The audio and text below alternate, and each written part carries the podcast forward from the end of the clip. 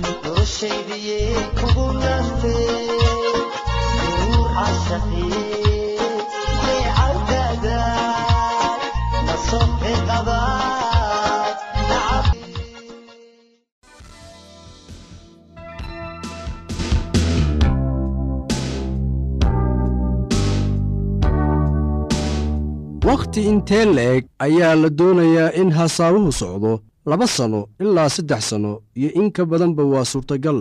Inkastoo waayahan labada isguursanaysa ay ugu yaraan hal sanno si dhab ah u wada hasaawaan intaa aanay go'aansan inay isguursadaan. Haddii aad tahay qof caadi ah oo aad raadinaysid qof aad guursatid oo aad doonaysid inaad hesho qofkan qaaska ah oo aad rabtid inta noloshaada ka dhiman inaad la qaybsatid isaga hase yeeshee waxaa jira dad badan oo ku dheggan fikradda ah in qofka ay guursan doonaan uu adduunka uun meel ka joogo oo ilaah u qoray taasoo runtii ah mid uu shaki ku jiro. Waa maxay fikradda aad ka qabtid kuwa isguursanaya? Hal qof oo qura miyaa kugu diyaar ah adduunka mise waxaad leedahay awood aad doorasho kaga samaysid dadka aad maalin kasta la kulantid qofka leh dabeecadda wanaagsan oo deggan waxa uu guursan karaa cid nooc waliba ah isaga oo ku faraxsan. Qofka aan waxgaradka ahayn mardhaba ma faraxsanaanayo cid kasta oo uu guursadaba guurku kama yeelayo qofka aan qaangaarka ahayn ama waxgaradka ahayn inuu noqdo qaangaar ama waxgarad. Laakiin kuwa faraxsan oo qaangaarka ah waxa ay gaaraan guur guul leh. Inkastoo dadka aad la kulmaysid cadadkoodu uu aad u badan yahay tan macnaheedu ma ahan in aad guursan kartid qof kasta oo aad la kulantid. Waa in si xigmadi ku jirto aad u dooratid. Waa maxay dabeecadaha aad ka raadinaysid qofka aad rabtid inaad guursatid waxaa jira toban qodob oo kuu sheegi kara in qofka aad rabtid uu xamili karo ama leeyahay awoodda guurka. Qodobadiinna waa kuwan. Qofka aad rabtid waa inuu ku faraxsan yahay reerkooda. Yaraantiisii uu ahaa mid faraxsan oo aanay wax khilaaf ah u dhexaynin isaga iyo hooyadiis oo uu ka dhashay qoys aadaab leh oo aan qaylo badnayn yahay mid ku xidhan hooyadiis iyo aabbihiis waa inuu yahay mid aanay wax khilaaf ah u dhexaynin isaga iyo waalidkiis. Waxaa dhici karta in aad isleedahay sidee bay waxaanoo dhan u qusaynayaan guurka ama go'aanka aad ka gaaraysid qofka aad guursanaysid? Sababtu waxa weeye xidhiirka aad la leedahay qoyskaaga marka aad yar tahay jacaylka iyo daryeelka ay ku tusiyeen waalidkaaga iyo habka iyo aadaabta lagugu soo barbaariyey ayaa nolosha qofka sal u ah marka aad guursanaysidna waa inaad waxyaalahan eegtid.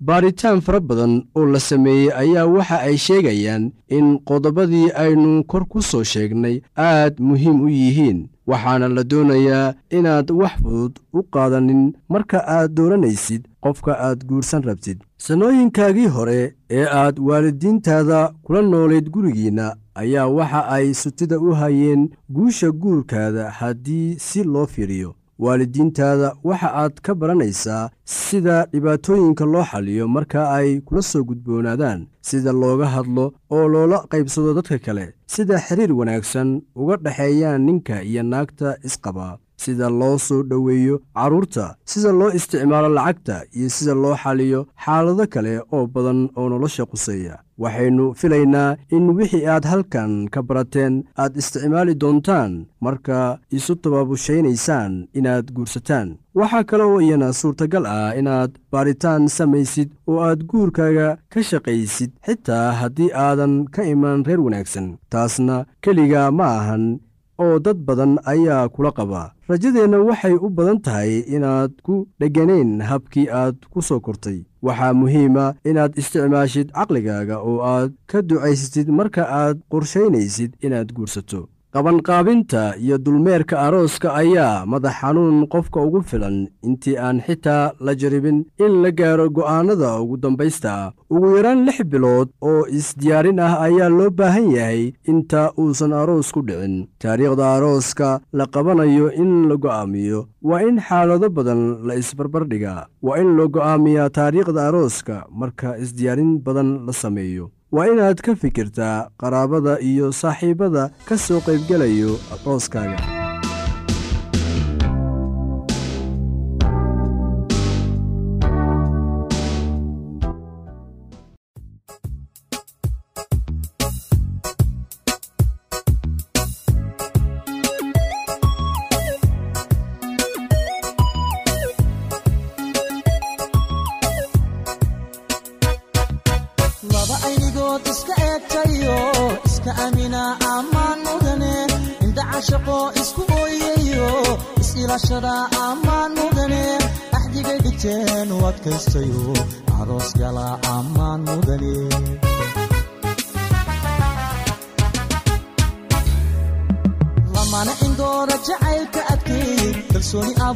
ammaan mudane ahay nasiibku intuu u ekaaday aroos gala ammaan mudane ubaxu dhino iscaashaqayba allaylehe ammaan mudane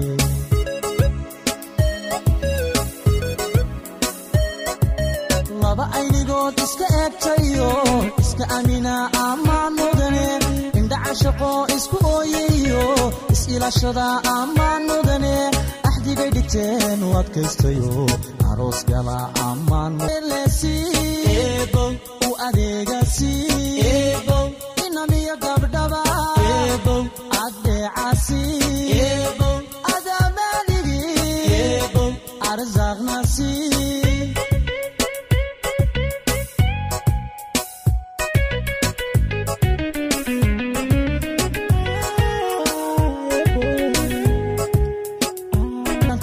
ammaan mudane afka hoyo hidaha asalka awlaadda tusaa ammaan mudane.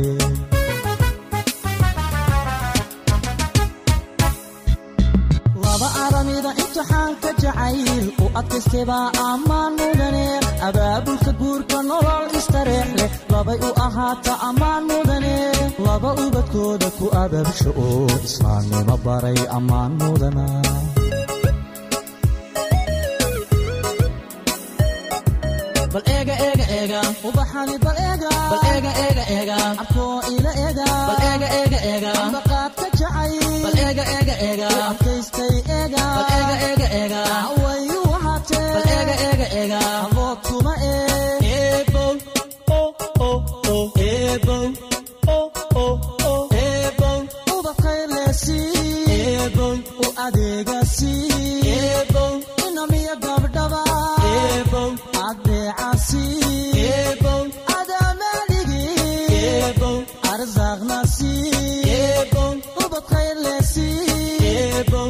adeegasi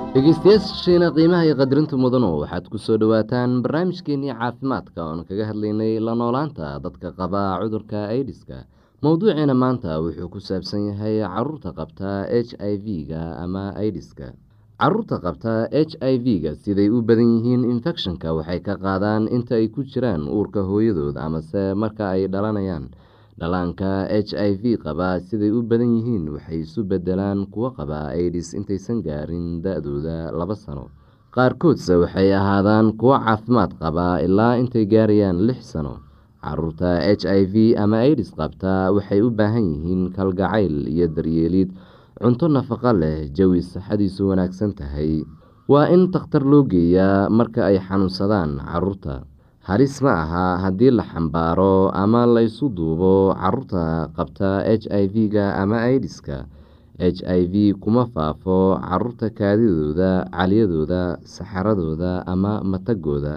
Cunug h i v qaba uma gudbin karo infecshonka haddii uu kuwa kale la cayaarayo ama uu la qeybsado waxyaabaha ay caruurtu ku cayaarto caanaha naaska hooyada waa cuntada ugu wanaagsan ee dhallaanka. Waxay ka ilaaliyaan dhallaanka shubanka iyo cuduro badan oo kale. Naasnuujintu waa muhiim. Haddii ay hooyadu ama dhallaanku ama labadooduba qabaan h i v haddii aysan hooyadu aada u xanuunsanayn talaalku aada ayuu muhiim u yahay. Haddii cunugaagu qabo h i v ama aidis waa la talaali karaa waalid h i v ama aidis qaba ayaa qabi karaa carruur saxadoodu wanaagsan tahay. Waayo waxay noqon karaan carruur dhalatay ka hor inta aysan hooyadu qaadin h i v ama waxay noqon karaan kuwo dhashay nasiib wanaag kadib markii h i v haleelay hooyadu. Caruurta saxadoodu wanaagsan tahay waxay u baahan yihiin kalgacayl fara badan mid amase labada waalid ah waa dhimanayaan shaki la'aan waxay noqonayaan agoon. Waalidiinta h i v ama aidis qaba waxay caawimi karaan caruurtooda saxada wanaagsan haddii ay waqtigooda siiyaan iyagoo u daryeelaya hogaaminayana ay u sameynayaan rajo. Haddii ay mustaqbalka u hogaamiyaan sidii qaraabadooda ay u daryeeli lahaayeen ama ay u hagaajiyaan mustaqbalka sidii loo bixin lahaa lacagta ujuurada dugsiga haddii ay suurtagal tahay. Waa inaa hantidaada u ilaalisaa caruurtaada iyo qoyskaaga ka hor intaadan dhiman. Qaraabada iyo kuway qusayso oo ka mid ah bulshada waa inay ku dhaqaaqaan u daryeelidda carruurta qabta aidiska hay'ado badan baa jira oo u gargaara laakiinse mas'uuliyadda oo dil dusha iskama saaraan dadka waa inay ogaadaan inaysan qaadayn h i v marka ay bixinayaan dhiig laakiinse haddaad og tahay inaad h i v qabtid waa inaadan dhiig bixin. Maxaa wacay? Kadib markii la baaro ayaa la qubayaa. Laakiinse haddaad qabtid h i v ama aidis oo aada u baahato dhiig waxaa ka heli kartaa dhiig la soo baaray oo laga soo miiray dad aan h i v qabin dadka qaba h i v ama aidis qaarkood waxay aaminsan yihiin in daawo soomaaligu lagu daaweyn karo qaar ka mid ah xanuunyada aidisku sababo. Tusaale ahaan dadka qaarkood waxay dhahaan daawada waxaa loo isticmaali karaa cuncunka. Daawo geedoodka qaarkood waa qaali waxaa ku roon inaad lacagtaada ku iibsatid cunto nafaqo leh iyo waxyaabo munaafac leh. Xusuuso dhakhaatiir dhaqameed jeermiga kama nadiifiyaan sakiimada ay isticmaalayaan tan waxaa laga qaadi karaa h i v. H i v ama aidis sababta keentaa ma aha sixir iyo waxyaabo la mid ah sidaa awgeed ma jiro sixirow daaweyn karaa u tegidda sixirowgu waxay ahaan kartaa qarash fara badan. Waxaa kaa khasaaraya oo keliya lacag fara badan adigoon ka helayn wax caawimaad ah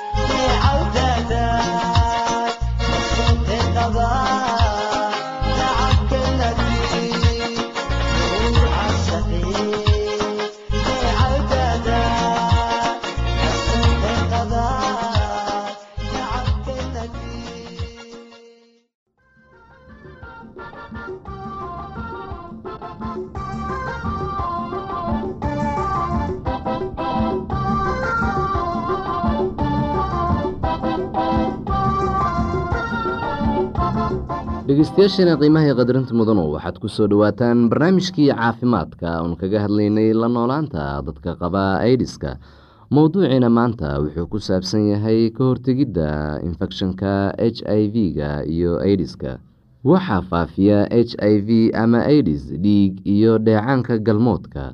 Haddaad qabtid h i v ama aidis ha ka welwelin inaad qoyskaaga u gudbiso fayraska inta ay socoto nolol maalmeedku laakiinse haddaad rabtid inaad naf ahaantaada iyo kuwa kaleba ilaaliso waa inaad yeelataa dhowr digtoonaan waa inaad iska ilaalisaa jeermiga adigoo saxada gurigaaga wanaajinaya. Dabool dhaawac kasta oo kugu yaal dadka kugu gargaaraya daryeelidda jirkaaga waa inay iyaguna daboolaan hadday dhaawac qabaan. Ka feejignow haddii dhiig kaa socdo ama ay jiraan dhar dhiig ku yaal biyo karkarsan ku dhex rid dharka iyo wax kasta oo dhiiga gaaray. Jeermiga h i v-ga kuma noolaan karo biyo karkarsan iyo markii wax badan uu qoraxda ama meel qalalan u yaal. Waa fikrad wanaagsan inaad ka fogeyso burushka ilkaha ama cadigaaga iyo sakiinta garka lagu xiirto o aada isticmaasho qoyskaaga kuwo ka mid ah. Dad badan oo qaba h i v iyo aidis waxay ka helaan xog la tashiga iyo daryeelka niyadda. Welwelka ayaa ka yaraanaya. Dadka h i v ama aidis qaba waa inay iyagoo xoriyad dareemaya u tagaan culimada diinta ay aaminsan yihiin. Diimaha oo idil waxay leeyihiin ducooyin loogu duceeyo dadka xanuunsada. Wadaadka wuxuu ku bari karaa sidaad xiriir fiican ula yeelan lahayd ilaahay iyo inaad ilaah u weydiisid iyo sidaad ilaah u weydiisan lahayd inuu ka qaado mushkiladda ku haysata. U dhowaanta ilaah waxay kaa caawineysaa inaad is-cafiso oood is-ogolaatid dadka kalena ogolaatid. Waxay kaloo kaa caawineysaa inaad runta ogaatid oo aad markaas ku noolaatid xaqiiqada. Dadka qaarkiis wuxuu aaminsan yahay in hadalka ilaah uu yahay gargaar weyn. Akhrinta kutubada ilaahay waxay dadku ka helaan fariimo qalbigooda u wanaagsan oo dhiirigelin siinaya. Gargaar ayay leedahay xitaa marka aad qof kale ilaah la baryeysid waxaad la qaybsan kartaa walwalkaaga iyo walaacaaga haddaad dareemeysid in lagu takoorayo ha hilmaamin in naxariista ilaah mar walbo kuu furan tahay. Aaminaadda ilaah waxay kaa gudbin kartaa marxaladaha adag daryeelka niyadda wuxuu dadka h i v-ga ama aidiska qaba ka caawiyaa inay wajahaan tijaabooyinka jirada wuxuu xitaa ka caawiyaa inay u diyaargaroobaan geerida. Waa muhiim in loo diyaargaroobo geerida fiicnaan ayaa dareemeysaa haddaad samaysato mustaqbal ama haddaad samaysato ama aada hagaajisato howlahaaga ama haddaad dhibaato ama muranka ku xalisid adigoo nabad ku dhammaynaya waxaa kale oo fiicnaan dareemeysaa haddaad toobo keentid qof weliba geerida ayuu sugayaa. Geeridu waa qeyb ka mid ah nolosheenu. Kulligiin maalin maalmaha ka mid ah ayaan dhiman doonaa laakiin sababta geerida keenaysa ayaa muhiim ah. Waxaa aada u fiican in la geeriyoodo adigoo kula joogaan dad aada jeceshahay haddaad geerida ogolaato walwal la'aan geesinimadaadu waxay bedeli kartaa niyadda nolosha kuwa kaa dambeeya. Sida badan waxaa la ogsoon yahay walwalka aan ka qabno ayaa geerida naga baqdin geliya laakiin waa inaad aaminto ood rumayso ballanqaadyada ilaah